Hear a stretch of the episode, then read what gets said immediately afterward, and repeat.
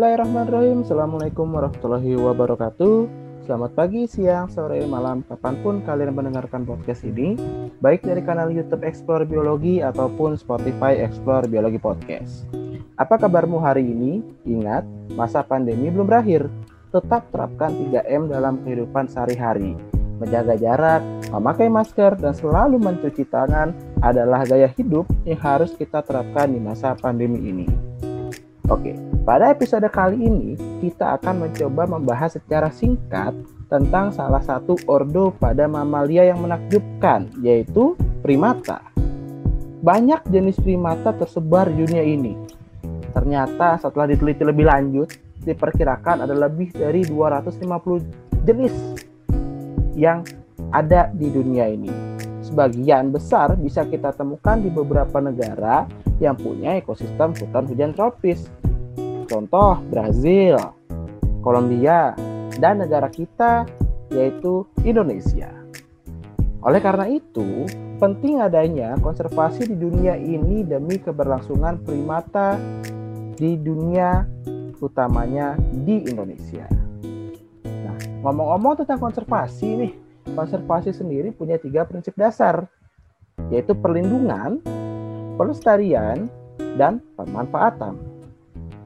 Nyatanya, hal tersebut sulit diwujudkan secara selaras dan beriringan. Kenapa hal itu bisa terjadi sih? Karena adanya penerjemahan konsep yang berbeda antara masing-masing pelaku konservasi itu. Padahal idealnya nih, harusnya nih, ketiga prinsip dasar tersebut itu harus menjadi bagian yang tidak terpisahkan jadi nggak bisa tuh misalnya aspek perlindungan duluan yang didahuluin, aspek pelestarian yang didahuluin, tapi seharusnya ketiga prinsip dasar tersebut berjalan secara selaras dan beriringan. Contoh, karena kita ada di Indonesia nih, kita ambil contoh konsep lembaga konservasi ex situ. Nah, siswa-siswi SMA mungkin masih ingat ya bahwa konservasi ex situ adalah konservasi di luar habitat alaminya Konservasi ini justru mengedepankan pemanfaatan untuk manusia atau bisnis hiburan satwa untuk tontonan manusia itu sendiri. Padahal, coba kita cermati bersama-sama. Konservasi dari ex ini, aspek konservasi buat satwanya hampir nggak ada loh.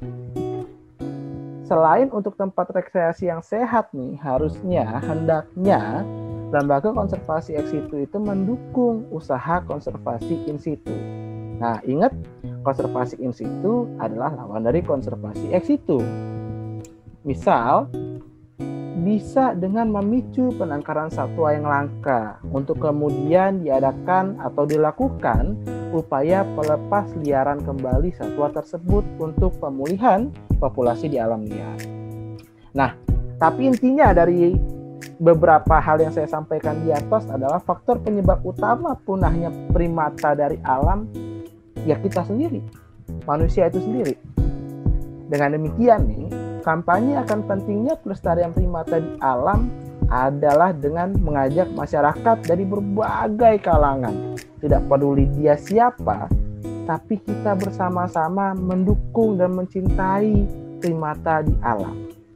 Atau misalnya bagi orang-orang atau uh, para uh, orang yang belajar tentang ilmu ini bisa membantu pemerintah untuk melakukan monitoring perdagangan primata itu sendiri. Atau kita bisa bersama mendorong pemerintah juga untuk senantiasa melakukan penegakan hukum yang lebih tegas bagi orang-orang yang melanggar perlindungan satwa liar. Secara umum, dan secara khususnya adalah primata. Sehingga harapan kita bersama tentunya pelestarian di alam akan lebih baik.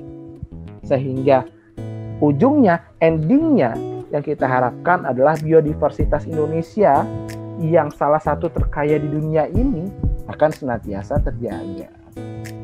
Oke, sekian podcast kali ini. Jika kamu merasa podcast ini bermanfaat, silahkan share ke teman kamu, ke saudara kamu, ke pasangan kamu, ke siapa pun yang menurut kamu juga harus memperoleh kebermanfaatan yang kamu peroleh saat ini. Sekian, sampai jumpa di podcast selanjutnya. Wassalamualaikum warahmatullahi wabarakatuh.